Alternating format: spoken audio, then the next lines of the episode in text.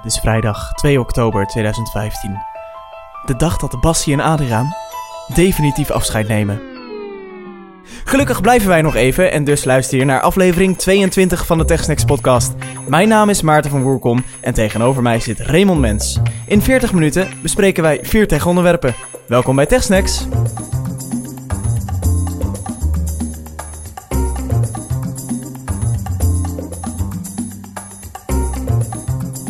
Raymond, wij nemen nog geen afscheid, ehm, maar Bassie en Adriaan wel. Ja, maar stoppen ze nu echt definitief, definitief? Want die bleven afscheid nemen, toch? Ja, dan was het, ja, nee, we stoppen nu echt, maar toch weer niet. Toen kwam weer een film, toen weer een bonusaflevering en toen weer een tournee. Maar nu is het echt zover. Nee, ja, voor de derde keer is het nu zover. Ze nemen echt afscheid, want ze liggen ja, iets in de clinch met de baron, maar dan ook echt in de clinch met de baron. Ze hebben al tien jaar een juridisch eh, conflict met eh, de acteur van de baron. Ja, Oh, ja, ja, ja eh, blijkbaar wordt er nog wel eens geroepen. Ze moeten ook altijd pijn hebben. Maar goed, nou als, als wij afscheid nemen, dan wil ik ook drie afscheidstournees, minimaal. gaan we doen. Gaan we doen. Dan gaan we een, eh, ja, dat horen jullie eh, TCT. Maar ehm, laten we het nu snel over tech hebben, want we hebben een hoop te bespreken. Vorige week een hele eh, aflevering over Apple. Vandaag helemaal niet. Eh, dat wil zeggen, ehm, we hadden wel een vraag gekregen. Ja, we, hadden we gaan het vandaag helemaal niet over Apple hebben, behalve in de follow-up. Want eh, omdat we het zoveel over Apple hebben gehad, heeft het ook wat vragen over Apple-onderwerpen eh, opgeroepen in de follow-up. Quintin die vroeg over Apple Music, hebben wij het nou verlengd of niet? En nou, voor jou weten we het antwoord al, Maarten, want jij was toch een beetje meer Spotify-fan. Nee, ik heb het niet verlengd. Nee. Ik heb het ook niet verlengd, met de voorwaarde dat ik binnenkort met een aantal vrienden een familie ga stichten en we samen een gezinsabonnement nemen. Oh. eh, op Apple Music. En daar dus minder betalen. En dan wil ik het op zich die 3 euro per maand, als we de, de kosten splitten, heb ik het er wel voor over. Dus eh, nee en nee, maar bij mij dan nee met een sterretje. Oké. Ehm, En ik heb het tijdens mijn dayjob bij One More Thing ook even aan de OMT'ers gevraagd. In een poll, 3500 mensen hebben hem One ingevuld. More Thing is de grootste Apple-website van Nederland. Laten we dat even Ja, zeggen. je moet je dus, dus indenken dat dit zijn de diehard Apple fans. Dit zijn de Apple fans van Nederland die als eerste de nieuwe iPhone kopen, die minimaal drie Apple producten in huis hebben, et cetera, et cetera. En daarvan zegt 31,7% ja, ik ga ervoor betalen. En toch 68,3% zegt nee, ik ga niet voor Apple Music betalen of ik blijf bij mijn huidige stream aanbieder. Dus ook onder de Apple fans nog niet zo populair. Slechte beurt voor Apple. Jordi had ook een vraag over de iPhone 6S. Ja, die vraagt wanneer kunnen we de iPhone 6s in Nederland bestellen of verwachten? Nou, 9 oktober is die in Nederland. KPN, T-Mobile en Vodafone hebben de pre-orders sinds gisteren, dus 2 oktober, eh, opengegooid. Maar je kunt waarschijnlijk bij Apple niet gaan pre-orderen. Dus het wordt of vroeg naar de Apple webshop als je hem wil hebben, of in de rij staan in Amsterdam, Den Haag of Haarlem bij de Apple Store. 9 oktober is de dag waar jij op wacht, Jordi. Dan gaan we het nu hebben eh, over Google, het Google-event. Eh, afgelopen dinsdag was er een Google-event. Het is me compleet ontgaan. Ik was eh, erg druk op mijn stage, dus ik heb Google even links laten liggen. Maar jij hebt je erin verdiept. Ja, Google heeft veel nieuwe hardware en software aangekondigd. Het was een beetje de opvolger van de Google I.O., waar we een uitgebreide aflevering over gemaakt hebben. En het eerste waar ze mee begonnen was Android M. En Android M heeft nu ook een naam. Het is namelijk Android Marshmallow. Android Marshmallow. Ja, want ze doen altijd snoepjes hè, bij Android. Ja, snoepjes of lekkernij in ieder geval. Ehm, we hebben het al uitgebreid besproken in ons tussendoortje waarin we de Google I.O. behandelden. Google heeft al een paar dingen eh, tijdens de Google I.O. verteld, maar nog niet alles. Ze zijn met Android M eigenlijk back to basics gegaan. Dus ze hebben een aantal fundamentele zaken die eigenlijk sinds het begin van Android al een beetje schuurden en niet goed zaten, hebben ze aangepakt. Zo eh, is er nu een betere volumecontrole. Tekstselectie is eindelijk lekker op orde. En ook eh, permissies worden nu per app gevraagd in plaats van in een bunch. Dus als jij Twitter gebruikt, Ehm, dan gaat hij pas om toestemming tot je foto's vragen op Android. Als je ook echt een keer een foto gaat twitteren. En niet vooraf je hele hebben en houden al vragen. Dus dat is fijn. Was op iOS langer het geval. Eh, verder ook nieuw in Android Marshmallow. Dat ehm, Android-toestellen langer op standby kunnen staan. Dat was bij Android-toestellen echt een serieus probleem. Bijvoorbeeld een iPad. Die kun je rustig drie weken in standby laten liggen. Is die nog niet leeg? Moet je bij een Android-tablet echt niet proberen. Nou, drie weken standby en hij is nog niet leeg. Nou ja, vind bij, ik wel een beetje optimistisch hoor. bij wijze van spreken. Meneer de Apple-fan. Bij wijze van spreken. In Eh. ieder geval, bij Android was het minder. Ik heb het al over Android, ja. Zeker. steeds beter. Ehm, maar goed, veel nieuws in, in Android M dus. Al begreep ik dat je als Android-gebruiker deze eh, update niet heel erg snel kan verwachten. Nee, dat is het gebruikelijke riedeltje. Eerst moet de fabrikant van je toestel moet weer eh, de update klaarmaken voor zijn skin en zijn apps en zijn integraties. Dan moet je telecomprovider nog een plasje erover doen om hem te testen en uit te rollen. En dan krijg je uiteindelijk de Android-versies. Tenzij je natuurlijk een Google Nexus toestel hebt. Want die worden door Google direct geüpdate. En wat wil het toeval dat er ook twee nieuwe Nexus-toestellen zijn aangekondigd. Kom ik zo bij. Uh, nog één nieuwe functie van Android M even uitleggen. We hebben steeds, tegenwoordig steeds meer apps. En apps worden bij uh, Android M nu van A tot Z weergegeven in je app switcher. Dus geen uh, mapjes meer met allerlei bladen waarvan je niet weet welke app waar staat. Maar gewoon van A tot Z. Je kunt op letter uh, sorteren of op letter switchen. En je kunt ook zoeken natuurlijk naar apps. Dat vind ik wel makkelijk hoor. Ja, want mijn, ik heb echt een belachelijke hoeveelheid apps. Ik ben er al meermalen ook um, op, op uh, uh, aangesproken en er is ook omgelachen. Maar ik heb er 234.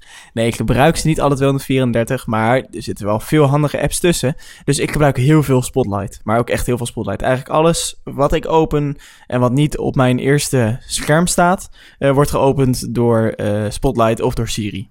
Ja, want je weet de naam dan wel, maar je weet dan niet op welk scherm die staat. Nee. Nee, en ook niet in welk mapje ik hem heb verstopt. Want dat, nee, uh... oh, je hebt ook nog mapjes en meerdere homescreens. Ja, zo. ja, zeker. Daar heb ik echt heel erg best op gedaan, die mapjes. En ik denk, ik ga dat volhouden. Maar ik zit nu toch nog met vier homescreens. Uh, niet die niet helemaal vol staan, maar ja, het uh, slipt toch wel weer redelijk vol. Nou, het grappige is dat uh, Windows Phone daarbij de trendsetter was. Ja, Microsoft was met, uh, op mobiel toch een trendsetter. Namelijk met het apps van A tot Z sorteren. Je ziet dat Android het nu gaat overnemen. En ze gaan ook app prediction doen. Want Google weet natuurlijk heel veel van je. En die weet ook ongetwijfeld op welk moment van de dag welke app jij gaat gebruiken. Dat doet iOS in iOS 9 ook. Dus ze gaan de meest populaire apps, of de apps die je het uh, meest likely bent om te gebruiken, alvast gewoon even bovenaan het scherm zetten. Boven, de A tot Z, uh, boven het A tot Z overzicht. Ja, wat, uh, dus, wat, wat is Siri nu voor jou aan het voorspellen eigenlijk, Ramon?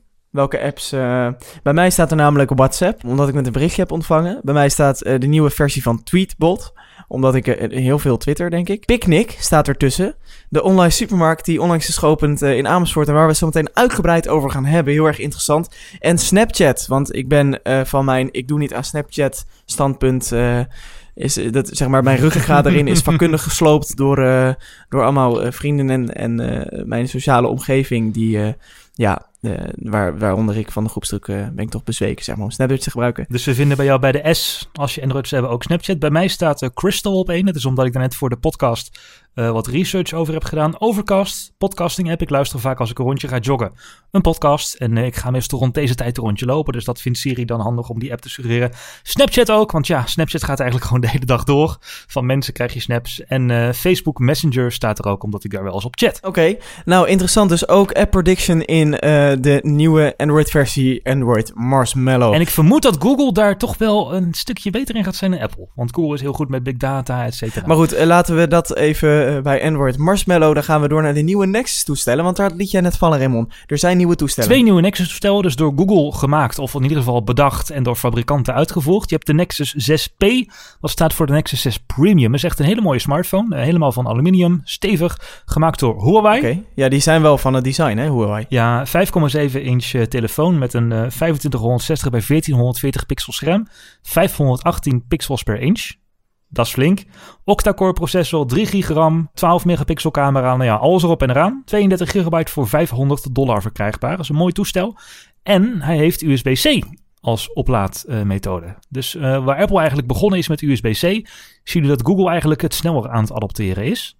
Wat ik ook wel aardig vond, is dat de Nexus 6P een vingerafdrukscanner heeft. Maar die zit niet in de homeknop, maar op de achterkant van het toestel. Oké, okay, dus daar moet je eigenlijk je middelvinger of je wijsvinger op leggen. Omdat, uh... Ja, omdat je hem toch al aan meestal vastpakt en je je vinger dan op de achterkant hebt liggen. Dan uh, dacht Google, dan is het makkelijkst om daar de vingerafdrukscanner te positioneren. HTC heeft dat voorheen ook gedaan, toch? Ja, klopt. HTC was het niet zo'n succes, omdat het een vingerafdrukscanner was waarbij je je vinger ook overheen moest bewegen. En bij, uh, ja, dat gaat nou helemaal lastig als je een telefoon hebt en aan de achterkant vastzit. Uh, bij Google is het gewoon een, of bij de Nexus 6P is het nu gewoon een, een vingerafdrukscanner waar je je vinger op kunt leggen en die doet zijn dingetje. Het lijkt me wel lastig als je je telefoon op tafel hebt liggen, wat ik nogal door de dag eigenlijk constant heb. Uh, dan leg ik vaak ook even mijn vingerafdruk erop om het te ontgrendelen. Maar dat gaat lastig als die aan de achterkant zit. Oh, moet je me even oppakken. Wanneer zijn deze nieuwe toestellen te verkrijgen? Weet je uh, nog niet bekendgemaakt voor Nederland in de VS. Later dit jaar en eind oktober wordt genoemd. Uh, nieuwe toestellen, ja, want er is ook een Nexus 5X. Dat is de kleinere variant, althans volgens Google begrippen klein, 5,2 inch. Vind ik als iPhone-gebruiker alsnog behoorlijk wat. Full HD-scherm, 424 pixels per inch, 2 gig RAM, 16 of 32 gig. Zelfde camera als de Nexus 6P, dus je krijgt er ook een hele goede 12 megapixel camera bij. En die gaat over de toonbank voor 379 dollar voor 16 gig. En uh, de europrijzen die zijn nog onbekend. Dus niet duur voor een, een high-end smartphone. Um, hebben ze nog meer aangekondigd? Waar ik heel blij van werd, uh, is een nieuwe Chromecast. De Chromecast 2. We kennen natuurlijk allemaal de bekende Chromecast Stick. Ik heb er zelf ook eentje die je achter in je HDMI-poort prikt en daar lekker alles vanuit... Heb jij een Chromecast en geen Apple TV? Uh, ik heb een Apple TV en een Chromecast. Oh, ik dacht al, heb jij je functioneringsgesprek bij OMT al gehad? Want anders dan uh, moet dat nog even aangekaart worden. Was een review modelletje, was een review modelletje. Ja, ja, ja, ja, zo, zo belandt dat in huis. Nee, en dus de HDMI-stick wordt nu een HDMI-bolletje. Het wordt een, ja, een soort platgeslagen rond apparaatje. In drie kekke kleurtjes, geel, groen, zwart en rood. En wat is er nieuw in de Chromecast 2? Nou, de Chromecast 2 heeft om te beginnen geen 4K-ondersteuning. Oh, nou ja, wie heeft er ook een 4K-tv nog? Ik wil net zeggen. Ja. hey, wel 5 GHz wifi met drie antennes, dus het bereik zal beter moeten worden. En als je zware video aan het casten bent, zou die ook minder moeten gaan haperen en beter bereik moeten hebben. En uh, meer ondersteuning voor apps. Er zijn veel sport-apps toegevoegd. Spotify werkt nu standaard met de Chromecast. En uh, de bekende apps zoals Netflix en eh, NPO en Plex, die waren al, uh, al beschikbaar op de Chromecast. Wat interessant is aan die Chromecast, is dat het apparaatje zelf eigenlijk maar ja, een, een dom apparaatje is wat een videosignaaltje doorstuurt. Dat al het zware werk op je telefoon wordt gedaan. Dus die telefoon stuurt het beeld door, maar verder gebeurt er op het apparaat eigenlijk weinig. En dat in tegenstelling tot de Apple TV. Um, op de Apple TV krijg je bijvoorbeeld een, uh, als er een sportapp is, uh, Major League Baseball heeft een uitgebreide app voor de Chromecast en de Apple TV. En op de Apple TV verschijnt die uh, over het scherm heen, dus scores, de teamsamenstelling, dat soort dingen. Maar op Google zegt nee, wij zetten het op je telefoon. Dus je telefoon wordt je second screen en je bedient ook, je bedient hem niet met de afstandsbediening, maar helemaal vanaf je telefoon. Dat maakt die dingen natuurlijk spotgoedkoop, want het is eigenlijk maar ja, een beetje ja, HDMI-chipje en een, uh, en een uh, draadloos signaalontvangertje. 39 euro zijn die Chromecast voor te krijgen. Die nieuwe ook? Nieuwe ook. Uh, prijzen zijn ongewijzigd. er zijn wel nieuwe apps toegevoegd. Dus het assortiment apps wordt uitgebreid. Want als je een iOS of een Windows of een OS 10 apparaat hebt, dan kun je alleen vanuit Chrome een tablet casten. Als je Android hebt, kun je ook je scherm mirroren. Maar verder moet ondersteuning voor Chromecast echt ingebouwd zijn in apps. Dus als een app geen Chromecast ondersteunt, kun je er ook geen video vanaf op je tv uh, zenden. Oké. Nog een tweede apparaat van Google, de Chromecast Audio. Sonos moet, uh, moet uh, misschien een beetje bang gaan worden. Nou ja, of misschien niet. De Chromecast Audio, hetzelfde idee als, uh, als een Chromecast 2, maar dan met een, uh, voor een AUX-kabeltje. Dus je kunt er audio naartoe sturen vanuit Spotify, vanuit Deezer, vanuit TuneIn Radio. Ah, en dan op een, uh, ja. op een AUX-kabeltje aansluiten op een versterker of een speaker of je autoradio of een ghetto blaster of waar dan ook. Werkt dat dan via Bluetooth of heeft zo'n apparaatje zelf contact met het, het internet? Kan al, het kan al wel twee. Dus um, hij kan via wifi streamen, zoals een gewone Chromecast, maar dan dus met audio. Of via Bluetooth. En zit er toevallig ook Spotify Connect op? Ja, er zit Spotify Connect op. TuneIn Radio, Deezer, ja, alle gebruikelijke streaming services. Behalve Apple Music. Die zitten erop. Ook 39 euro. En uh, als laatste in het uh, blokje Chromecast. De Chromecast app wordt vernieuwd en krijgt content discovery. Dus uh, je hoeft niet meer per app te gaan kijken wat er, wat er leuk is. Maar je kunt in één scherm zien wat de trending is op YouTube. Wat veel bekeken wordt op Netflix. Welke serie jij kijkt. Uh, op Hulu of uh, welke, welke uh, baseballwedstrijden er bezig zijn. En je kunt ook naar een serie zoeken en dan toont de app keurig een overzicht van... oh, je bent op deze streamingdiensten geabonneerd, dus je kunt hem hier kijken of je kunt hem hier huren. Hey, volgens mij moeten we omwille van de tijd door naar het uh, volgende onderwerp. Yes. Want het blijft TechSnacks, waarin we snel de technieuws bespreken. Um, over technieuws en tech gesproken en het kopen van apparaten. Dat konden we in Nederland bij een aantal uh, speciaalzaken onder de BAS-groep, uh, Dixons, MyCom en iCenter. Um, hebben uitstel van betaling aangevraagd. Ja, die zagen hun business heel erg teruglopen. Ik heb me laten vertellen dat het vooral Dixons was wat slecht draaide. En dat Mycom en Ice Center alle twee uh, positieve cijfers geven. Maar Dixons is meteen ook de grootste winkelformule van de drie. Ja. Um, dus ja, uh, het moederbedrijf van Dixons, Mycom en Ice Center, uitstel van betaling, uh, gaan herstructureren. Dus ja, dat wordt waarschijnlijk een heleboel winkels sluiten. En de geruchten gaan dat de oud-CEO, Steven Bakker, die enkele maanden geleden door de directie uit de basgroep is gewerkt, eh, zijn bedrijf weer terug wil kopen. Maar goed, dat zijn geruchten. Maar wat zegt dit? Nou, ehm, inderdaad, dit is eh, de kapstok waar wij het volgende onderwerp gaan ophangen. Namelijk het winkelen anno 2015 gaan we de komende 10 minuten bespreken. Want, Raymond, ik heb meegedaan met een test. En een test van een online supermarkt. Gisteren in het nieuws en eerder ook al uitgebreid in het nieuws geweest. De online supermarkt Picnic. Ah, Het, het is heel hip. Het is eh, goedkoop en het is handig. Nou, eh, bij deze heb ik ze even gepitcht. Picnic is een appje ehm, wat in een enorme groeimarkt gaat stappen. Eh, namelijk de online supermarkten. Bij Albert Heijn kun je het al. eh, bij nou ja, zeg maar elke grote supermarktketen. Jumbo kun je thuis laten bezorgen. Maar dat kost geld. ja, of afhalen in ieder geval bij Jumbo. Of afhalen hè, van die pick-up points. Picnic is een app, maar het is ook een hele formule en er zit heel veel onderzoek achter. Ehm, kort wat Picnic biedt. Picnic biedt de laagste prijsgarantie. Ehm, ze bezorgen aan huis, ze hebben dus geen winkels of geen pick-up points. Eh, ze rekenen daarvoor geen bezorgkosten. En ehm, die laagste prijsgarantie is dus echt als jij ergens iets goedkoper ziet, dan eh, zeg je dat en dan krijg je het product gratis. Ja, dus een beetje wat, wat Jumbo ook heeft, maar dan in zijn winkels. Ja. Ze hebben dus in die app hebben ze een heel assortiment van een supermarkt. Hè? Dus ze hebben zelf eh, met allemaal bedrijven, met een bakker en een slager en een, eh nou, een grote, grootgroter inkoopbedrijf waar, waar, je, waar een grootgroter inkoopt. Ja. ja, hoe zeg je dat? Nou ja, goed, daar hebben ze deals mee. En eh, dat betekent dat zij heel selectief kunnen inkopen. Want in die app eh, vind ik dus zowel A-merken als B-merken, zowel food als non-food. En ik kan in die app kan ik, eh, nou, gaan shoppen. Dus je opent de Picnic app. En ehm, dan ga ik kijken en dan zie ik eigenlijk de gangpaden van de supermarkt bovenin staan als kopjes. Ik zie acties, ik zie groente en fruit, vlees, vis en vega. Nou ja, alles wat een normale supermarkt ook te bieden heeft. Nou, ik dacht, ik, ik ga die app ook even bekijken. En ik ga gewoon even, terwijl ik in de Albert Heijn sta, even de prijzen vergelijken. Maar je moet echt eerst een account hebben en dan mag je pas ook het assortiment Ja, zien. dat klopt inderdaad. Picnic is net begonnen ehm, hier in Amersfoort. En ze, blij- ze zijn nu net live in heel Amersfoort. Dus in die testfase waarin ik aan mee kon doen, eh, hebben ze echt nog maar heel selectief bepaalde wijken eh, bediend. En nu zijn ze met heel Amersfoort bezig. En ze hebben nu al een wachtrij, eh, een enorme wachtlijst, omdat de vraag zo groot is eh, naar hun diensten. Ze, die laagste prijsgarantie in combinatie met, dat, eh, met, die, zeg maar, met, die, met die gratis bezorging en dat ze het zo snel kunnen leveren, dat trekt heel erg. Maar dat zijn ook meteen de vraagtekens hè, eh, die daar ontstaan. Want hoe doen ze dat? En kunnen ze dan wel overeind blijven? Eh, ze hebben een aantal. Ik heb dat gevraagd, want ik was op een eh, avond ter introductie van die test. En waar ik ook toegang kreeg tot de app. En ehm, kon ik gaan bestellen. Dan kom je inderdaad dus in die digitale supermarkt. eh, wat heel gebruiksvriendelijk is. Daar kom ik zo nog even op terug, want dat werkt wel makkelijk. Het is een hele grappige manier van je boodschappen doen. Dan merk je namelijk ook ineens hoe je boodschappen doet. Ik was zo'n zo'n maaltijdpakket van Knor aan het bekijken. En daar wilde ik eigenlijk even weten ehm, wat ik daar nog meer bij moest stoppen. Dus dan normaal pak je het pak uit het schap en dan kijk je er even op. En hier moet je dus even naar beneden scrollen en dan staat die informatie daar. Dus dan merk je ineens hoe je je gedraagt in de supermarkt. Eh, Je kan dus heerlijk op je bank zitten en gewoon boodschappen doen. Ehm, hoe ze nou die laagste prijsgarantie en gratis bezorging realiseren, is dat zij zelf in samenwerking met de TU Delft een heel grappig elektrisch autootje hebben ontwikkeld. Oh, een beetje zo'n zo'n Google Brum ding of ja, niet? nou ja, zoiets. Ja? Alleen dan een, een- de, de vrachtwagen-idee, zeg maar. Oké. Eh, hè, het is heel smal. Want eh, het idee erachter is dat het andere verkeer er geen last van moet hebben. Er zit een koel gedeelte in, een warm gedeelte, een vries gedeelte. Ehm, zij geven alles uit in plastic tasjes, die je vervolgens ook weer bij ze kan inleveren.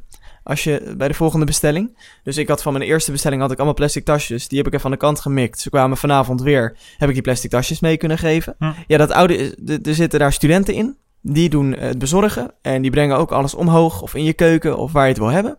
Eh, het kost allemaal niks extra's.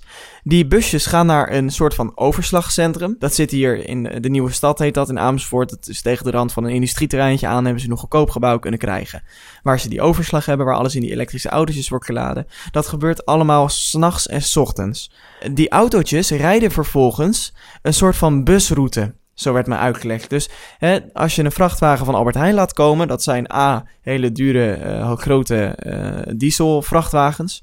Um, maar die komen op, als een soort van taxi komen die op afspraak. Hè? Mhm. Dus die laden bij jou eh, bij het DC in, bij het distributiecentrum in. En die rijden vervolgens naar jouw huis om daar te komen. En wat ze bij Picnic doen, is dat ze bepaalde tijdvakken voor bepa en bepaalde dagen voor bepaalde wijken hebben. Dus als ik nu naar Picnic ga en ik wil wat bestellen, dus ik stop wat in mijn mandje. eh, dan krijg ik bovenin te zien dat ik maandag op 5 oktober tussen eh, kwart voor zes en kwart voor zeven bediend kan worden woensdag of vrijdag. Dus op maandag, woensdag en vrijdag kunnen ze bij mij leveren. Oké, dus het is geen eh, vandaag besteld, morgen huis, maar het is een beetje de melkboer, zeg maar, die op bepaalde dagen langskomt.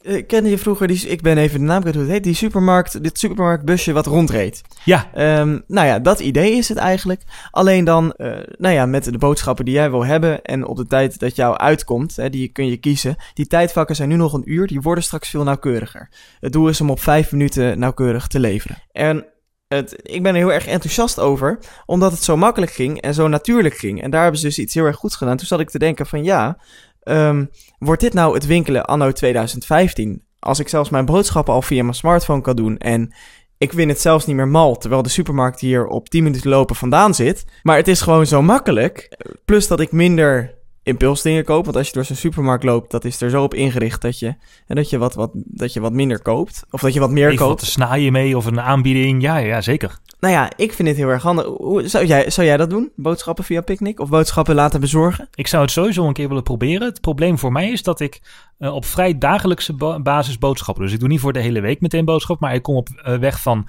mijn werk en mijn huis. Kom ook voorbij een Albert Heijn. Dus ik loop daar meteen even binnen. En ik pik meteen even wat ik die avond wil eten. Pik ik even mee. Dus het zou voor mij wel een, ja, een omslag van denken zijn. Van ik moet voor meerdere dagen tegelijk boodschappen doen. Aan de andere kant is het ook een heel studentico's luxe first world problem. Wat ik nu aanhaal natuurlijk. Ja. En ik vind het op zich wel fijn om producten ook even te zien. Vooral bij verse, verse groenten of vers fruit. Om gewoon even te zien hoe het eruit ziet. Net de mooiste appel eruit te pikken. En net die mooiste kop sla. Of net zo groot als ik hem wil eruit te pikken. En dat is bij zo'n concept ook wel lastig natuurlijk. Dat was inderdaad ook eh, waar ik even mee zat. In de, dus ik heb eh, bij mijn eerste bestellingen ehm, heb ik even wat eh, versproducten ook laten komen. Hè? Dus ik had wat wortels en ik had spersiebonen. Nou, ik had nog wat verse producten. Ik had ook wat vlees en wat kip, of wat, wat gehakt en wat kip laten komen. Mhm. En zij hebben in de app hebben ze een groen icoontje. En daar staat bijvoorbeeld in plus drie dagen of plus vijf dagen. En dat is de versgarantie die zij bieden. Dus als een eh, vers product niet aan jouw wensen voldoet, dus het ziet er niet vers genoeg uit. Hè? Het, het, eh, zo'n product is niet vers meer, omdat nou, die appel heeft toch wat bruine, bruine stukjes of die worteltjes zijn niet goed. Hè? Dan kun je dat ook aangeven en dan wordt het nieuwe product wordt gratis bij je bezorgd. En dan wordt dat eh, ook weer meegenomen in als zeg maar een soort van feedback van nou, daar moeten we wat mee. Ehm, en want je kan het niet altijd garanderen. Ehm, wat meer zeg maar positief zeg maar nog aan deze formule en wat meer principieel is dat zij dus ver- vermijden dat er heel veel wordt weggegooid. Toen ik zelf op mijn eh, vijftiende begon in de supermarkt met mijn eerste bijbaantje, eh, toen viel meteen al op dat daar eh, na de dag echt karren vol aan eten wordt, wordt weggegooid. Of nou ja, in ieder geval Ja, met brood en koeken en verse, verse dingen die maar houdbaar zijn. echt schandalig. Dat is echt schandalig hoeveel daar verloren gaat. En dat wordt dan misschien nog wel in varkensvoer verwerkt, maar er gaat ook gewoon heel erg veel in de kliko. En dat voorkomen ze hiermee dus ook, omdat ze heel selectief kunnen inkopen. Dus zij kopen eigenlijk nooit te veel in. Nee, want ze weten van tevoren al wat jij gaat bestellen. Ja, precies. Precies. En de bakker hoeft ook geen 100 broden te bakken waar hij misschien maar 80 van verkoopt. Maar je Nee. weet gewoon hoeveel broden er zijn verkocht. Daar hebben ze ook inderdaad de slagerij en de, en de bakkers hebben ze daarop uitgezocht. Daar hebben ze toevallig filmpjes over op YouTube staan. En dat zijn echt ook eh, bedrijven die werken op vraag. Dus die werken niet met prognoses, maar die werken echt op vraag. Supermarkt on demand dus. Het is echt een supermarkt on demand. Het werkt heel goed. De test is nu in Amersfoort. eh, maar houd het in de gaten. Ze gaan eh, vast uitbreiden als er... Ja, ik vraag me af hoe dit gaat schalen inderdaad. Want het is op zich een concept wat je redelijk makkelijk kan uitrollen binnen verschillende steden. Maar dan wordt, ja, Nederland is geen heel groot land. Maar voor zo'n concept is Nederland toch weer wel best een groot land. En dan zul je ook met verschillende bakkersdeals moeten sluiten. En die autootjes overal rond moeten laten rijden. Dus het is nog volgens mij nog wel een uitdaging om dit landelijk te gaan doen. Maar ik kan me indenken dat als ze langzaam uitbreiden richting Utrecht, Randstad, dat dat wel, eh, wel wat gaat worden. Dat denk ik ook. En ik denk ook... En het sluit eh, natuurlijk helemaal in op de hype. Ik wil niet weten hoeveel banners en, en billboards en reclames op tv ik voor die maaltijdboxen voorbij zien komen. Dat is ook helemaal on-demand natuurlijk. Ja, ja, zoals Albert Heijn is er nu mee begonnen. Ehm, ik vind dat niet zo... Zo'n maaltijdbox heb ik nooit wat mee gehad. Want ja, dan gaat iemand anders bedenken wat ik wil eten. En dat bedenk ik liever zelf. Eh, ja, Er zijn ook mensen die het fijn vinden dat iemand anders het voor ze bedenkt. Maar goed, als je dat dus niet wil, dan is is dit wel een, een leuk alternatief. Ja, dus woon je in Amersfoort, ik zou zeggen inschrijven op Picnic. ik vind het heel erg leuk werken. En een interessante kijk van nou ja, hoe de supermarkten zich anno 2015 inderdaad ontwikkelen. Want eerder zijn de kruideniers en de buurtsupers, die hebben de geest gegeven die moesten bezwijken onder, onder het gewicht van de Albert Heijns en de Jumbo's. En gaan nu misschien de Albert Heijns en de Jumbo's bezwijken onder het gewicht van het internet. Ik ben heel erg benieuwd. Disruptive, zoals ze dat noemen, is dit te kwalificeren. Om even een buzzword in te gooien. Is goed voor de ranking van de podcast. Precies. We hebben het over disruptive technology. Mensen, in de TechSnacks podcast heel disruptive in de toekomst. En wauw. Dat allemaal over die rol toiletpapier die bij je thuis wordt bezorgd. Maar um, luister hier nou naar en heb je hier zelf nou iets over te zeggen of een opmerking of een vraag? Laat het dan even weten en uh, mail ons uh, naar reactie.techsnacks.nl of via techsnacks.nl slash submit. Uh, of gooi er een tweetje uit uh, op Twitter. We gaan naar het volgende buzzword van de afgelopen tijd. Daar gaat het volgende onderwerp namelijk over adblockers. En ik stel mij de vraag: zijn adblockers wel eerlijk? En nee, we gaan niet de hele discussie die je al over hebt gehoord over uitgevers en eigenaar van websites en dat het inkomsten wegneemt. Uh, nee, we gaan het over de zakelijke kant van adblockers vanuit de ontwikkelaar hebben. Want adblockers bestaan natuurlijk al langer. Wie kent Adblock Plus niet? Zo'n rood, zo'n rood schild. Zo'n rood lelijk, lelijk icoon vind ik het. Maar goed, dat terzijde. Ja. En uh, adblockers hebben met iOS 9, zoals je vorige week al hoorde toen we iOS 9 even besproken, een flinke boost gekregen. Want ze kunnen nu in Safari gebruikt worden. We hebben vorige week ook de drie beste adblockers besproken. En de populairste adblocker viel daar buiten, Crystal. En uh, Crystal heeft de woede van gebruikers op zijn nek gehaald. Het regent App Store refunds bij Crystal. En hoe komt dat nou? Doordat ze uh, zijn ingestapt in de accept Acceptable Ads policy. Acceptable ads. Is dat niet gewoon dat als ik jou 10 euro geef en mijn ad, dat mijn ad ineens accept, accept, acceptable is? Ja, dat, daar komt het misschien een beetje op neer, maar misschien ook weer niet. En nou ja, in ieder geval, um, Crystal is niet gratis. Het is een app die kost 99 cent. En um, naar, uh, naar berekening van een app-analyse site die ongeveer 100.000 keer gedownload, haal je daar de marge van Apple af. Kom je op ongeveer 75.000 euro, wat ontwikkelaar sinds de release van iOS 9 in een maand hem heeft verdiend. Prima dus. Ja, dat is niet vervelend. Nee, maar wat de ontwikkelaar uh, Dean Murphy heet hij nu ook heeft gezegd, ik ga acceptable ads tonen. Mm. Dus um, het Duitse bedrijf IO, dat zeg je misschien niet zoveel, maar dat is dus het bedrijf wat achter AdBlock Plus zit. Dat onderhandelt met uh, bedrijven en reclamenetwerken en advertentienetwerken. Google en Microsoft zitten er bij ongeveer 7000 partijen. Betalen IO, dus de ontwikkelaar van AdBlock Plus, om op een whitelist te komen. Oké. Okay. En alleen hun uh, ads die dus uh, acceptabel zijn, dus niet al te knipperend, geen knipperende uh, gifjes of uh, flashbanners, die komen op die whitelist. En ontwikkelaars van apps kunnen zich inschrijven op die whitelist en dan krijgen zij een percentage van de opbrengsten die die advertentiebedrijven aan AdBlock of IO, zoals het bedrijf heet, betalen. Wie krijgt dat percentage? De ontwikkelaars? De ontwikkelaar, de ontwikkelaar van de app. Ah. Dus de ontwikkelaar van Crystal, die krijgt nu niet alleen een dollar of een euro per uh, app. Maar als een gebruiker een ad ziet die gewitelist is, dus die toch doorkomt, dan krijgt hij er ook nog een kickback fee van. Uh, omdat dat via dat uh, bedrijf van AdBlock Plus loopt. En het hanteert een soort 30-70 regel. Dus 70% voor de, voor de beheerder van de whitelist. 30% voor de app, uh, de maker van de app. Dus adblockers zijn big business. Ja, en via twee kanten dus big business. Niet alleen via de App Store, waar ze vaak betaald zijn, maar ook via die Acceptable Apps ads policy. En daar waren gebruikers niet heel erg blij mee. En ik vind, ik twijfel ook of dat nou wel zo ethisch is, die acceptable ads policy. Mm, want je hebt er ook niet echt controle over als gebruiker. Je kunt in Crystal niet zeggen van oké, ik wil echt alles filteren. Of ik wil ook advertenties die wel oké zijn, toch laten zien. En wat ik helemaal grappig vond, is dat die ontwikkelaar van Crystal die zegt van nee joh, ik doe het niet voor het geld. Nee, ik doe het echt niet voor het geld. Doe het namelijk voor de websites die uh, leiden onder dat geen enkele advertentie meer getoond wordt. Maar geloof jij dat? Ja, nou, dan komen we toch inderdaad bij die discussie van zijn, zijn adblockers nou wel verantwoord? Uh, ik vind het heel lastig. Ik denk van niet. Je moet je als... Het is een beetje een, een, een tweespeling. Ik vind adblockers... Als jij als, als reclamemaker um, het uitlokt dat iemand jouw ad wil blokken... Ja, dat is natuurlijk niet de bedoeling.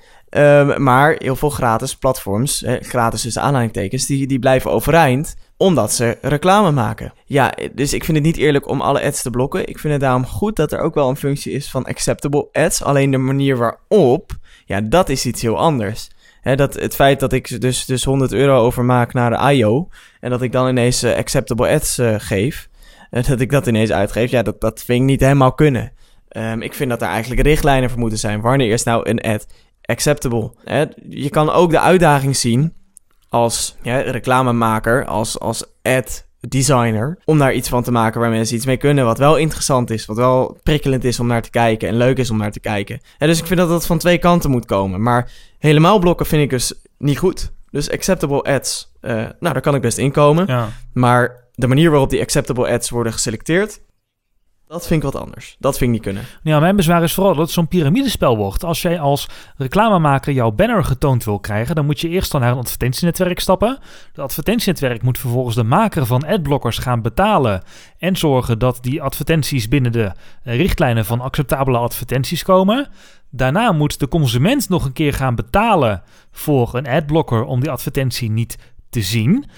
Terwijl de maker van die adblocker langs twee kanten geld krijgt, namelijk van de consument die de app koopt en van uh, het bedrijf wat um, de whitelist uitvoert als kickback fee. Dus uiteindelijk wordt niemand daar, of ja, wordt alleen de maker van de adblocker daar beter van, maar schiet zowel de adverteerder als de consument als het advertentienetwerk daar eigenlijk niet zo heel veel mee op. Want de ad schijnt helemaal weg. Maar je betaalt wel extra als adverteerder voor ads die misschien doorkomen, maar misschien ook weer niet. Dus ja, hmm. ja.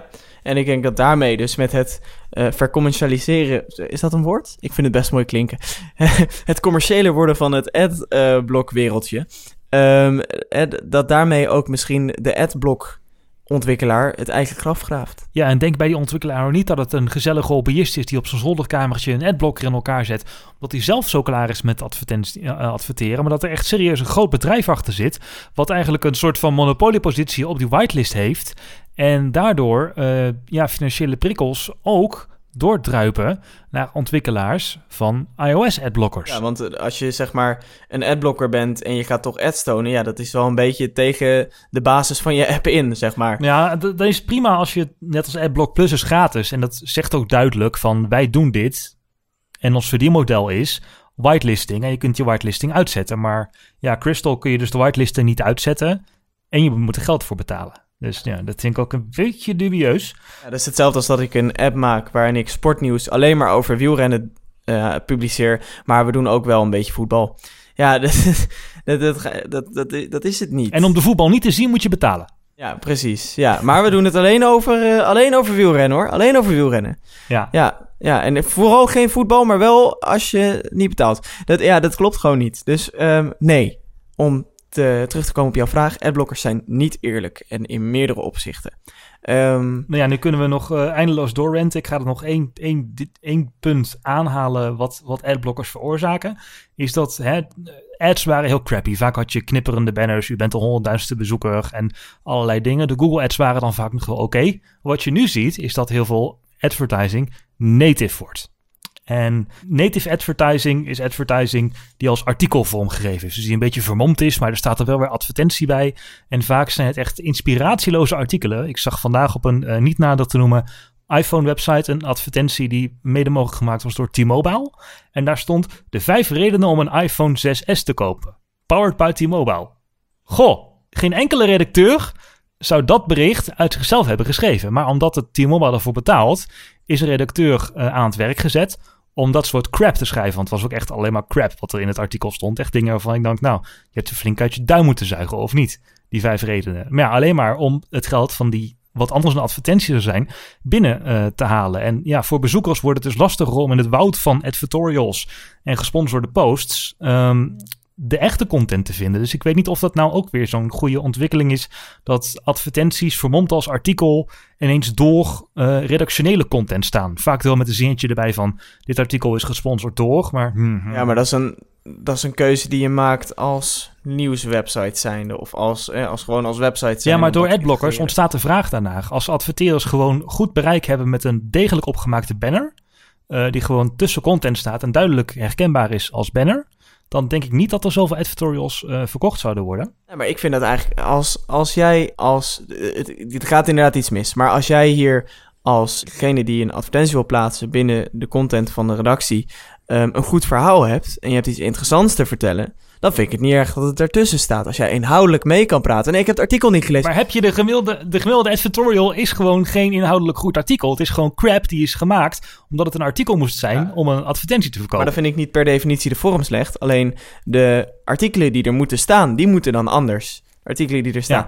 Alleen uh, dat je op die manier je advertenties verwerkt binnen je website, vind ik niet heel raar. Zolang het maar van hetzelfde kwaliteit is. En ja, of dat gaat lukken, dat is weer een andere vraag. Dat lukt dus vaak niet, omdat uh, aan de ene kant adverteerders vaak zeggen... ja, dit is de tekst, die moet je publiceren. Een beetje vermommeld als artikel, maar dan met gesponsorde post in het grijs, een beetje in een hoekje. Uh, dus of je moet je lezers ons bericht, uh, wat wij jou aanleveren, door de strot duwen... Of je mag als redacteur zelf over een onderwerp schrijven, maar A, B, C, D, E en F moeten er verplicht in. Onze naam moet verplicht zoveel keer genoemd worden en er moet duidelijk hè, naar geschreven worden dat het bij ons het beste is. En um, dat is voor redacteuren vaak meer een moetje dan echt iets wat uh, redacteuren leuk vinden. Want die willen gewoon ja, eigen onderwerpen over eigen onderwerpen waar ze zelf over geïnteresseerd zijn schrijven. En niet honderd keer heen en weer gaan pingpongen met een uh, advertentiebureau van kijk, ik heb deze tekst geschreven. Uh, worden jullie belangen er zo genoeg in genoemd? Ja, maar daar kun je nog steeds wat leuks van maken. Ja, wat leuks van maken ben je ongeveer qua aan je lezers verplicht natuurlijk. Maar het probleem is dat die prikkels om er echt iets leuks van te maken, die zijn er niet. Kijk, zo'n advertentie die wordt dan ingekocht door bijvoorbeeld een grote telecomprovider. Die zit daar een tussenpartij in, een uh, reclamenetwerk of een advertentiebureau. Het advertentiebureau is er eigenlijk alleen maar bij gebaat om zo snel mogelijk die advertentie te plaatsen, het geld op te strijken en verder te gaan met de volgende advertentie. Die zitten niet te wachten op eindeloos heen en weer pingpongen met jou en of de belangen van de adverteerder zo goed genoeg zijn in jouw creatieve tekst. Die leveren jou het liefst gewoon een tekst aan, die zet je op je website en het is klaar. Um, ik merk dat zelf wel eens. Ik uh, schrijf voor een website, uh, One More Thing, die niet uh, al te happig is op advertorials. Sterker nog, bij, bij voorkeur zeggen we nee. En al die reclameboeren, die begrijpen dat niet. Die zeggen van ja, we leveren jullie een tekst aan. Het is een kleine moeite om die op je voorpagina te zetten, een plaatje uit te zoeken, het tutorial boven te zetten. Wij hebben onze advertentie verkocht. Jullie hebben geld iedereen blij, maar ze begrijpen niet dat er organisaties zijn of websites zijn die niet opgelegd willen krijgen wat zij op hun voorpagina publiceren. En dat kan nu nog, nee zeggen tegen advertorials, het wordt steeds moeilijker. En je moet ook als lezer of als ja, gebruiker van websites begrijpen dat door banners te blokkeren of door een adblocker te installeren, steeds meer van de advertenties in de vorm van banners zullen verdwijnen en terug zullen keren als vermomde artikelen. Kijk, adverteerders die willen toch wel hun boodschap de wereld in krijgen. En je kunt nu dus kiezen tussen een banner, die is duidelijk te herkennen, of een verwarrende advertorial die eruit ziet als een artikel, maar geen redactionele content is. En nu denk ik dus, zou je als lezer liever iets duidelijks herkenbaars en misschien irritants willen hebben, of liever hebben dat je verwacht wordt door het feit dat artikelen niet altijd meer redactioneel onafhankelijk zullen zijn. Kijk, natuurlijk zijn er adverteerders die jou als redacteur de eindcontrole geven en vooral hun naam aan awesome content willen verbinden, maar in de meeste gevallen ja, de dagelijkse realiteit is, het werkt zo niet. En als redacteur word ik niet echt ongelukkig van een banner tussen mijn stuk, maar wel door inspiratieloze commerciële artikelen die ook negatief afstralen op mijn werk, wat misschien wel boven en onder die editorial staat. Ik ben geen redacteur, dus um, tenminste niet fulltime, um, en jij wel. Dus daar heb jij misschien meer verstand van dan ik. We gaan het over het volgende onderwerp hebben. Ja, ook weer zo'n onderwerp waar ik minimaal drie uur over kan preken. Maar goed, weer zo'n... Ja, het uh, blijft een ethiekavond uh, uh, deze avond. We gaan het hebben over Achmea de verzekeraar. En ik zeg met opzet geen zorgverzekeraar, maar verzekeraar. Uh, Achmea was groot in het nieuws afgelopen week. Um, met hele prikkelende koppen als lever je privacy in voor korting. En um, uh, premie voor een gezonde leefstijl. Of uh, korting op je premie voor een gezonde leefstijl. Kortom, um, men was in rep en roer over een uitlating van Achmea. Heb jij het meegekregen? Ja, half eigenlijk. Nou, wat Achmea heeft aangekondigd is dat ze eventueel korting kan geven op de premie van, en dan zal het over schadeverzekeringen gaan. Hè? Dus er wordt heel snel een link gelegd met de zorgverzekering, maar dat is eigenlijk helemaal niet gezegd. Dus daar moeten we even een slag om de arm houden. Maar zelfs de NOS had al de Health app van Apple op de achtergrond staan in het item. Um, maar dat Achmea heeft aangekondigd dat als zij bijvoorbeeld uh, in jouw huis een Nest thermostaat plaatsen, of als je dat zelf doet, hè, of zo'n Nest uh, Protect, waarin een koolmonoxide verklikker zit en een rookmelder. Um, dat ze jou wel eens korting willen gaan geven op jouw premie van jouw uh, verzekering, omdat jij veiliger leeft. En een ander voorbeeld wat ze gaven was een kastje in je auto zetten, uh, waarmee ze bijvoorbeeld een waarschuwing geven als jij in een parkeergarage gaat parkeren waar heel veel wordt ingebroken, of als jij veel te hard rijdt, dat ze daar ook rekening mee houden. Ehm, en dat je dan, als jij je netjes gedraagt en eh, je daar een beetje op aanpast, opnieuw korting kan krijgen op je premie. Ehm, heel erg interessant, want uh, veiliger leven gaat dan minder betalen betekenen. En um, minder betalen vinden we in Nederland fijn. Aan de andere kant zou je kunnen zeggen dat uh, Achmea een stukje extra uh, dienstverlening gaat doen door jou gratis, tussen aanhalingstekens, dan draai je het verhaaltje even om, een Nest Protect te geven. Of gratis gaat waarschuwen voor gevaarlijke plekken in, uh, in, in de wijk waar je wil gaan parkeren. Want hè, het is ook in jouw belang dat er niet in jouw auto wordt ingebroken. Nou, klinkt eigenlijk als een heel erg uh, interessant idee. Er is al een verzekeraar die dat doet. Uh, maar op hele kleine schaal. En Achmea is natuurlijk de grootste verzekeraar van Nederland. Mm -hmm. En daarmee dus de eerste grote speler die van, van dit soort data, zoals de snelheid die je in de auto rijdt, ehm, de koppeling maakt naar hun commerciële producten.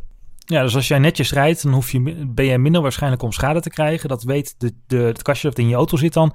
Daardoor krijg je korting. Nou, dat, dat, dat, inderdaad, dat klopt. En dat bracht heel veel reuring met zich mee, want dat gaat natuurlijk over privacy en um, over ethiek. Want je zou het ook kunnen omdraaien. Uh, als we dan onveiliger gaan leven en we geven de zorgverzekeraar, of de zorgverzekeraar, nu ga ik zelf al bijna de fout, we geven de verzekeraar, geven we uh, inzicht in hoe wij leven. En dus dat kunnen zij zien en zij interpreteren. Um, gaat het dan ook gelden dat als wij onveiliger gaan leven, gaan we dan ook meer betalen? Hmm. Kijk, en dan wordt het al ineens een stuk minder ja, dus leuk. Als ik een dag heb waarop ik echt baal en ik zet de kachel op 40 graden en ik rijd in mijn auto naar huis en ik rijd alle, door alle rode stoplichten en ik rijd veel te hard. En ik bestel een pizza omdat ik helemaal niks anders zin in heb. En ja, dat weten al die sensoren dus, want mijn nest weet hoe warm ik het stook. Veel te warm voor een door de weekse dag. Uh, en mijn auto, Achmea weet dat ik harder heb gereden in mijn auto. Dat moet ik volgens mij niet te vaak doen voordat ik of mijn korting kwijtraak of naar een duurder pakket wordt overgezet misschien Juist. Kijk, en dan wordt het ineens een stuk minder interessant. Ik denk dat het sleutelwoord hier, hierin is, en uh, ik heb hier ook even met andere mensen nog over gesproken en ook vanuit... Uh, mijn, uh, hoe heet het, iemand die bij Achmea werkt, weliswaar in een andere divisie uh, aan de zorgkant, maar hè, die wat meer in de verzekeringswereld zit, hebben we het even over gehad. En de het sleutelwoord uh, in deze zaak is transparantie. Want dat zien we eigenlijk heel veel, hè? Dit, dit vraagstuk van, van, nou ja, eigenlijk data voor cash. Um, en daaronder dan privacy voor cash. Dat speelt op heel veel vlakken. Nou, en de Nederlander is daar vaak gevoelig voor. TV-programma's is een bekend item wat veel tv-programma's of consumentprogramma's wel eens doen. Dat ze gratis uh, koekjes of tompoesje gaan uitdelen. Waar mensen wel even een formuliertje voor moeten invullen. En heel veel Nederlanders vullen het formuliertje helemaal in. Want ja, gratis koekje. Ja, ja, ja. ja, ja, ja. En um, nou, stelde diegene met, met wie ik sprak, die zei ook al het voorbeeld van een no-claim. De no-claim uh, korting die je krijgt als jij een auto uh, gaat verzekeren. Dat is eigenlijk ook wel een stukje privacy of een stukje data wat je inlevert. Want data betekent niet precies, uh, per se privacy. Ja, dus eigenlijk transparantie van wat gebeurt er met die data en welke data wordt er verzameld. Dat is heel erg belangrijk. En aan de hand daarvan uh, kunnen we kijken of dat ethisch verantwoord is. En dat komt dan weer uh, de vraag naar voren van wie gaat dan bekijken of dat ethisch verantwoord is? Is dat een taak van de politiek of gaan de commerciële partijen dat? Of komt er een soort van, eh, wat we in de medische wereld kennen, de, de medisch-ethisch toetsingscommissie? De SP'er komt, de SP'er ja. komt bij het woord zelfregulering horen al meteen naar mij naar boven. En ik denk dat het ook terecht is om dat nu aan te houden. Zelfregulering werkt niet. Grote bedrijven bedonderen je waar je bij staat. Kijk maar naar Volkswagen. Ja, oké, daar heb je inderdaad een goed punt. Dus als we dat soort dingen al willen toepassen en partijen willen structureel data gaan verzamelen, dat er in ieder geval duidelijke kaders voor moeten zijn. En dat er ook echt op beboet moet worden als die data te lang bewaard wordt. Vind ik een interessante invalshoek. Hoe lang en wat en wanneer die data bewaard wordt en wanneer die gedeeld wordt. Want je moet je het volgende bedenken. Achmea heeft nu, ik heb even opgezocht wat ze erover zeggen. Ze zeggen nee, we bewaren de data wel, maar we gaan hem niet delen. Dat is op zich gunstig. Maar ze zeggen nu dat ze niet gaan delen. Je moet je bedenken dat een 4 terabyte harde schijf kost tegenwoordig 60 euro. Daar kan het hele leven van 20 mensen kan op die harde schijf. Nu, nu zeggen ze, we doen er niks mee. Maar wie zegt dat er over 10 jaar nog niks met die data gebeurt? En wie zegt, nu komt even de Bits of Freedom activist in mij naar boven, ja, ja, ja. dat over 10 jaar al die grote verzekeraars niet ineens heel erg fijn vinden om alle data met elkaar gaan uit te wisselen. En kun je daar dan nog wat tegen doen? Hè, het is er wel transparant dat ze het hebben verzameld. En dat heb je allemaal gezien. Maar wie zegt dat het over tien jaar het beleid helemaal gewijzigd is? Dus ik, nee, ik zeg dan toch gewoon... Uh, voor een verzekeraar, dat is een soort van collectief gebeuren met iedereen evenveel risico. En het risico eerlijk verspreiden en we betalen allemaal premie. Maar dat is dus niet zo, hè? Dat is dus niet Nee? zo op dit moment. Hmm. Nee, want op het moment dat ik geen schade rij met mijn auto, ehm, krijg ik korting op mijn premie. Ja, No claim. Maar dat is, dat, is een, dat is een gegeven wat ze kunnen weten omdat jij een claim doet. Ja, oké, dus jij zegt dat moet je al, dat moet je sowieso afstaan, dus daar mogen ze mee spelen. Ja, als jij een claim maakt voor schade, dan weet de verzekeraar dat jij schade hebt geleden of gereden. Dus ja, dan kunnen ze daarmee doen wat ze willen. Hè, ik heb er nu niet zo'n probleem mee. Eh, Op zich, als ik het nu gewoon bekijk zonder kader en zeg: Oké, eh, kastje in mijn huis, een nest, we weten dat wat hij doet. En een kastje in mijn auto, we weten wat hij doet, transparant, oké. Maar gooi het na een maand weg. Ik vind dat daar ook nog wel verschil in zit. En dat kastje in mijn huis, hè, wat preventief werkt en wat, nou ja, hè, wat, wat vooral in de gaten houdt of er brand ontstaat, of dat er een koolmonoxidevergiftiging ontstaat, of een koolmonoxide te hoog in, in de lucht zit hier, waardoor ik eh, nou, heel snel kan flauwvallen. Dat vind ik nog iets anders dan een kastje in mijn auto wat bijhoudt hoe ik rij. Dat gaat alweer een stapje verder. Snap je? Ja, ja, dus ja. eh, dat zij mij met korting of, of gratis zelfs eh, door middel van korting te geven op mijn premie ehm, zo'n nest geven. Nou, daar kan ik nog wel inkomen. Maar dat ze gaan bijhouden hoe ik rij en op basis daarvan, ja, dat vind ik alweer dichterbij komen. Of nou ja, laten we, laten we de korting even vergeten en gewoon zeggen de hoogte van de premie. Oké, dus eh, als ik jou nu eh, namens Achmea 10 euro korting zou geven als wij een kastje in jouw auto mogen bouwen, ja of nee? Dan ga je maar fijn naar de buurman, die wil het misschien wel. Oké, nou ik denk dat hetzelfde eh, op dit moment nog even voor mij geldt, want ik vind dat er nog te veel eh, onduidelijkheden zijn. Ja, tenzij jij kan aantonen dat je die data na een jaar weggooit, dat die ook echt weg is. Dat ik bij wijze van spreken zelf op de server mag gaan controleren of die er echt niet bestaat. Oké. Dus dat het berekend wordt, hè, dat, het, dat lijkt me dan wel aardig. Dat een jaar data wordt verzameld. Daarna wordt die gegarandeerd 100%, 101% zeker weggegooid. Maar voordat die weggegooid wordt, krijg jij een risicoprofiel. En het risicoprofiel wordt één jaar gebruikt. Meer niet, wordt ook niet opgeslagen verder, maar het wordt per jaar bekeken. En daarna wordt het weggegooid. Daar wil ik mee akkoord gaan. Nou, dat klinkt interessant. Ben je nou aan het luisteren en heb je hier ook een mening over of wil je daar wat over kwijt? Wat ik me wel kan voorstellen. Oh, mensen hebben een mailprogramma al openstaan om me de, om me de les te lezen, weet ik zeker. Ik, ik ben heel erg benieuwd wat, wat je als luisteraar hiervan vindt. Dus reageer alsjeblieft en doe dat via techsex.nl slash submit of eh, mail naar reactie.techsex.nl. Je kunt ook een tweetje eruit gooien naar techsnacks.nl, maar ehm, het, het mailen vinden we leuk, want dan gaan we daar nog even over praten in de volgende uitzending. Uh, en dit, dit onderwerp leent zich wel voor een, uh, voor een uh, bericht van meer dan 140 tekens. Ja, inderdaad. Dus we zijn heel erg benieuwd wat jullie hiervan vinden. Um, ik zeg, wordt vervolgd. Uiteraard. Dit brengt ons overigens aan het einde van aflevering 22 van deze TechSnacks podcast. Ja, dus voor ons geen afscheidstournee zoals Bassie en Adria, maar volgende week gewoon aflevering 23. Dan zijn we er weer. In de tussentijd techsnacks.nl slash submit voor je reactie. Twitter.com slash techsnacksnl voor alle tweets. Facebook.com slash techsnacks. En natuurlijk ook niet vergeten te bedanken onze sponsor NoDots, webhosting en webdesign van Nederlandse bodem uit Eindhoven. Mannen, bedankt voor de bandbreedte. Check ze op www.nodots.nl. Volgende week zijn we er weer met een nieuwe TechSnacks. Dan misschien wel Apple, dan misschien wel Google, misschien een beetje minder ethisch. Het is altijd een interessante en lekkere snackmix van tech. Tot volgende week. Tot volgende week.